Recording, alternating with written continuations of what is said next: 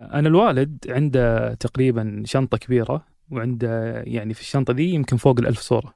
okay. فذاك اليوم جلست أنا وياه يعني لأنه هو دائما يروح دائما يقعد في المكتب حقه تقريبا ثلاث ساعات أربع ساعات ويقعد يفتح الشنطة ويناظر الصور اللي فيها.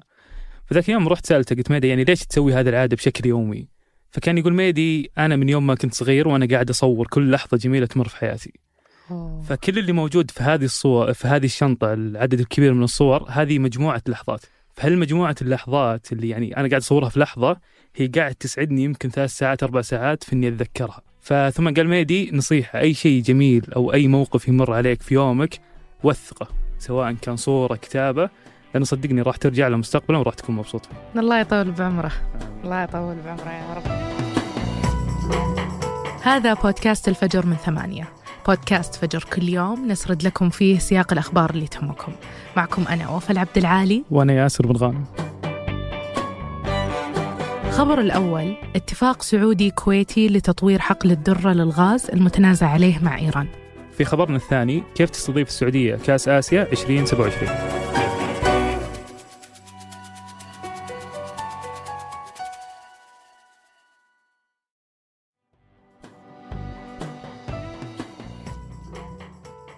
هالأسبوع قررت السعودية والكويت أنهم يكملون في مشروع تطوير حقل غاز الدرة البحري اللي كان متنازع عليه مع إيران. وذكرت وسائل الإعلام أن شركة أرامكو السعودية وشركة نفط الخليج الكويتية وقعت على صفقة لتطوير الحقل في مدينة الكويت. التوقيع على الاتفاق حضر فيه كبار المسؤولين من الكويت والسعودية. من بينهم وزير الطاقة السعودي عبد العزيز بن سلمان والكويتي بدر حامد الملا. ويعتبر توقيع المذكرة الحالية هو تنفيذ لتفاهمات سابقة لتطوير هالحقل فالسعودية والكويت وقعت على تفاهمات في شهر مارس الماضي ولكن الاتفاق الجديد بيساعد الدولتين في استئناف العمل على مشروع تطوير الحقل وتسريع الأعمال وفق برنامج وجدول زمني معتمد. وهو واحد من الحقول اللي شهد نزاع طويل بين الدولتين الخليجيتين وإيران. بس قبل لا ندخل في تفاصيل هالخطوة خلوني أشرح لكم عن هالحقل وتاريخ النزاع فيه. حقل الدرة هو حقل غاز بحري ضخم تتشارك فيه السعودية والكويت. موجود في المياه الإقليمية بين السعودية والكويت بالخليج العربي. ولهالسبب تتنازع عليه الدول الثلاث من عقود. وتم اكتشاف الحقل للمرة الأولى في 1967 وهو يعتبر اليوم ضمن المنطقة المشتركة المقسومة بين الكويت والسعودية. فالثروات في هالمنطقة تعتبر مشتركة بين الدولتين وياخذ الحقل أهميته من التقديرات الضخمة للغاز الطبيعي الموجود فيه. فالأرقام تقول أن في حال بدأت السعودية والكويت بتطوير هالحقل فممكن إنتاج مليار قدم مكعب من الغاز الطبيعي يومياً بالإضافة إلى إنتاج 84 ألف برميل من المكثفات يومياً. وتقدر كميات الغاز في الحقل عموماً ب 220 مليار متر مكعب.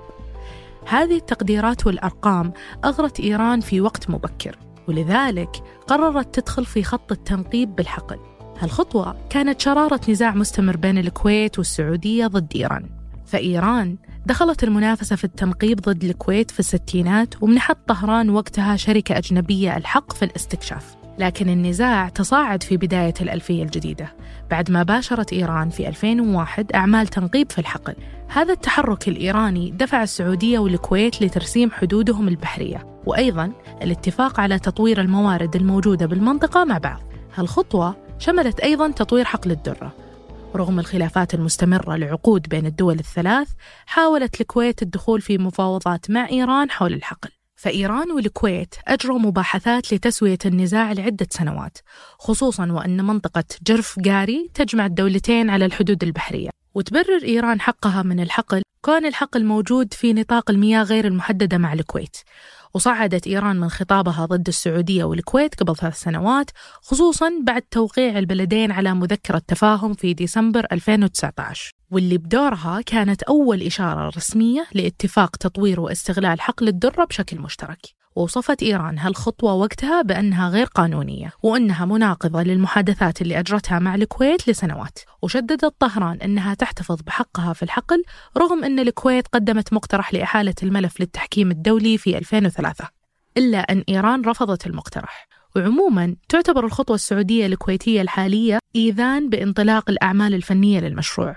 فالصفقة اللي وقعتها الكويت والسعودية هذا الأسبوع تتضمن إجراءات لتطوير وتقييم الدراسات الهندسية وتشكيل فريق فني لتنفيذ المشروع. فالكويت والرياض يراهنون على حقل الدرة باعتباره من الحقول الاستراتيجية للمستقبل. كونه راح يساعد في تلبية الطلب المحلي المتزايد على الغاز الطبيعي من جهة ومن جهة ثانية يقربها خطوة من أحد أهدافها الاستراتيجية في قطاع الطاقة واللي هو تصدير أكثر من ثلاث مليارات قدم مكعبة من الغاز يوميا بحلول 2030 في 3 ديسمبر 2019 أعلن الاتحاد الآسيوي عن بداية استقباله عروض استضافة كأس آسيا 2027 اللي بيكون بعد نسخة 2023 اللي بتكون بقطر. وثالث نسخة بعد زيادة عدد المنتخبات والبطولة من 16 منتخب إلى 24 منتخب. وبعد سنة من بداية استقبال العروض في ديسمبر 2020 قدمت أربع دول للاتحاد الآسيوي اهتمامها بالاستضافة واللي هم الهند وإيران وقطر والسعودية. لكن بالنسبة لقطر فبعد ما تحولت استضافة نسخة 2023 من الصين لها سحبت عرضها لاستضافة نسخة 2027 وخلال هالسنة أعلنت إيران والهند سحب عروضهم وبقى عرض السعودية كعرض وحيد بانتظار تأكيده رسميا كالعرض الفائز بالاستضافة اللي بيكون في مؤتمر الاتحاد الآسيوي الجاي 1 فبراير 2023 واللي بتكون أول مرة تستضيف فيها السعودية هالبطولة اللي بدت من عام 1956 ميلادي. وطلب الاستضافة هذا يجي مع تقديم السعودية لعدد كبير من عروض استضافة البطولات والمناسبات العالمية بالسنين الأخيرة. منها مثلا استضافة عروض مصارعة WWE بشكل حصري لعشر سنين ورالي داكار اللي بدأت السعودية تستضيفها سنويا من عام 2019 وبعد استضافة مباريات السوبر الأسباني والإيطالي من ثلاث سنين وأكيد استضافة جدة هالسنة لأحد جولات فورمولا 1 Welcome to Jeddah Corniche Circuit in Saudi Arabia, Formula One's newest, longest and fastest street circuit.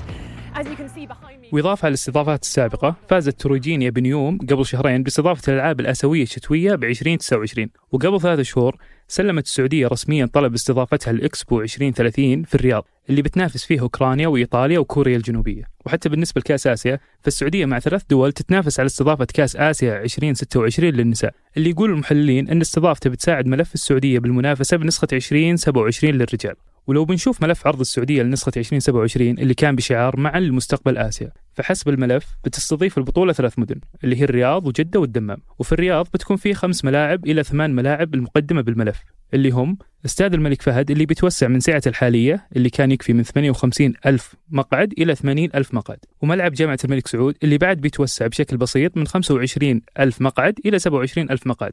وملعب الأمير فيصل بن فهد بالملز اللي بيتضاعف عدد مقاعده من 22 ألف إلى 44 ألف وبيكون في ملعب جديد بالرياض بتكون سعته 21 ألف مقعد.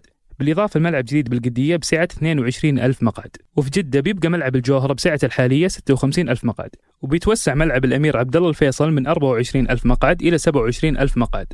وبالدمام بيكون في ملعب أساسي واحد واللي بيكون ملعب جديد بسعة 47 ألف مقعد. وملعبين الأمير محمد بن فهد والأمير سعود بن جلوي بيكونون ملعبين احتياطيين للملاعب الثمانية الرئيسية. والملف عموما يدعم عروض الاستضافة بأرقام وبيانات من أكثر من قطاع غير الرياضة مثل عدد الغرف الفندقية بالمدن المرشحة للاستضافة واللي تتجاوز 6500 في الرياض و4000 في جدة و2000 بالدمام وأكثر من 12000 بالمجموع. وتغطية الاتصالات والإنترنت واللي هي بالمتوسط 96% لتغطية ال 4G في الرياض والدمام وجدة وأكثر من 50% لتغطية ال 5G في الرياض وجدة واللي أكيد كلها بتحسن تجربة المشجعين بالبطولة وتجهيز لاستضافات أكبر في المستقبل. وقبل ما ننهي الحلقة هذه أخبار على السريع. في الخبر الأول نجحت تجربة مشتركة بين علماء جامعة لندن جلوبل وأطباء مستشفى أورموند ستريت للأطفال في بريطانيا في علاج طفلة تعاني من سرطان الدم الحاد بواسطة خلايا معدلة جينيا باستخدام تقنية جديدة. أليسا اللي عمرها 13 سنة هي أول مريضة باللوكيميا تخضع لهالنوع من العلاج. والنتائج تقول إنها تخلصت من السرطان تماما ولكنها تخضع للمراقبة. وفي خبرنا الثاني مكوك أرتمس 1 من ناسا اللي سولفنا عنه في حلقة سابقة كمل رحلته اللي كانت بهدف استكشاف القمر والتحضير لرحلة المريخ. وظهر الأحد الماضي المكوك رجع بنجاح للأرض بعد ما قطع أكثر من 2 مليون كيلو متر خلال أربعة أسابيع تقريبا. وفي الخبر الثالث صندوق الاستثمارات العامة السعودي دخل محادثات متقدمة للاستحواذ على البنك المتحد المملوك من مصر بقيمة تقديرية توصل إلى 600 مليون دولار واللي يتوقع أنها تتم خلال هالشهر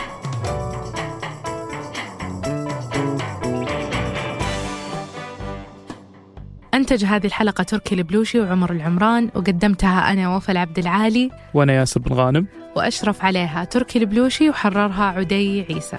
نشوفكم بكرة الفجر.